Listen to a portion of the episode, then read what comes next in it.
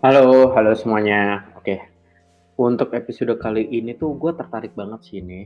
Waktu itu gue dapat uh, job untuk ngulik tentang uh, lokal brand kayak gitu ya. Nah, jadi di sini uh, gue ngelihat demand-nya itu lumayan cukup tinggi gitu. Kalau kita compare dari sebelum COVID ataupun lima tahun enam tahun yang lalu, orang tuh sangat banget kayak memandang lokal-lokal brand di Indonesia itu tuh kayaknya high price, kemudian juga kayaknya harga mahal kayak begitu dengan kualitas lokal tuh kayak sayang banget ya beli ya kayak gitu. Nah, seiringnya waktu berjalan, banyak banget yang muncul-muncul lokal brand kayak gitu. Nah, di sini tuh gue ngelihat bahwa adanya perubahan ataupun culture yang meningkatkan istilahnya tuh expanding value dari konsumen Indonesia lah kayak gitu ya. Jadi bisa dikatakan mereka tuh punya global passion, tapi itu mempunyai ciri khas adalah local purchase kayak gitu. Jadi banyak banget kayak tidak hanya cuma apparel, kemudian clothing, tapi sampai kayak kayak parfum lokal, skincare lokal tuh benar-benar heavy banget kayak gitu ya. Nah, di sini tuh yang akhirnya tuh banyak banget secara, uh, tidak hanya secara UMKM atau lokal bisnis yang naik, tapi itu sebenarnya uh, beringan juga dengan uh, perubahan secara teknologi juga kayak gitu loh. Pendukung support dari teknologi sebagai contoh kayak sosial media kayak Instagram, uh, TikTok dan juga uh, uh, Facebook gitu ya.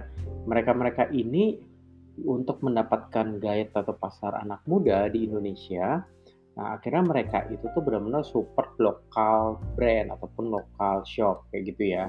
Jadi ini yang bisa uh, mendongkrak kayak netizen pun tuh juga diberikan wadah untuk membeli atau uh, lebih mudah untuk mendapatkan lokal brand tersebut kayak gitu. Nah, sekarang pun juga lokal brand itu tuh gaya marketingnya udah bisa dikatakan gaya marketing yang cukup uh, unik juga ya gitu ya.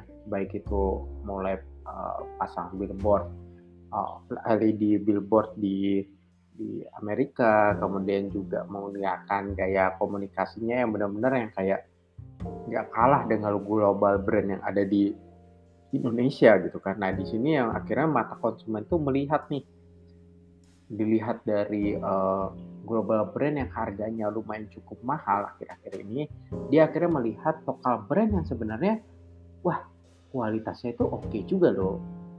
For example like uh, parfum gitu ya. Kita compare dengan Zara dengan Humans gitu ya. Harganya nggak jauh mirip tapi uh, parfum Zara itu Eau de Toilet sedangkan parfum lokal itu harga segitu udah mendapatkan kualitas Eau de Parfum gitu kan. Nah akhirnya tuh mereka mulai try, mereka mulai mencoba untuk menggunakan lokal brand ini kayak gitu. Nah, akhirnya beberapa lokal brand tersebut yang uh, banyak banget diinvest oleh investor, kemudian juga banyak yang purchase gitu ya, akhirnya meningkatkan uh, daya beli ataupun snowball effect ke masyarakat Indonesia kayak gitu. Nah, akhirnya juga global brand itu melihat oke okay, itu sebagai threat ataupun sebagai ancaman mereka, tetapi mereka coba berusaha untuk mengcombine culture Indonesia ataupun brand lokal Indonesia ini dengan brandnya kayak gitu mungkin sebagai contoh itu adalah Adidas dan juga um, ada salah satu lokal brand uh, mereka menggunakan desainnya itu di dalam sepatu Adidas kayak gitu. Nah, kalah kalah the label gitu ya. Jadi akhirnya dari global brand dan juga lokal brand tuh memfusion dan menciptakan suatu brand tersendiri gitu ya. Ya akhirnya mereka melihat oke okay, itu ancaman tapi ancaman itu bagaimana kita twist itu menjadi friends kayak gitu.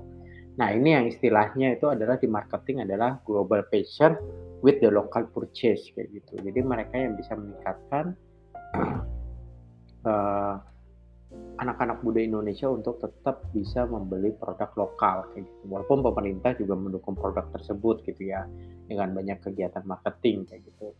Nah, topik terakhir itu adalah kenapa sih mereka booming karena ada namanya instant shopification kayak gitu. Jadi mereka itu dipermudah dengan model-model QR code shopping, kemudian juga uh, live shopping, mobile payment, free delivery yang akhirnya mempermudah konsumen untuk membeli produk tersebut kayak gitu. Nah, kita sebagai marketers itu melihat pasar tersebut, produk tersebut, dan style of communication mereka mungkin kita bisa twist dengan gaya komunikasi mereka untuk kita replicate atau kita adopt beberapa inspirasi dari mereka sehingga bisa menjadi good communication dengan brand kita. Oke, okay?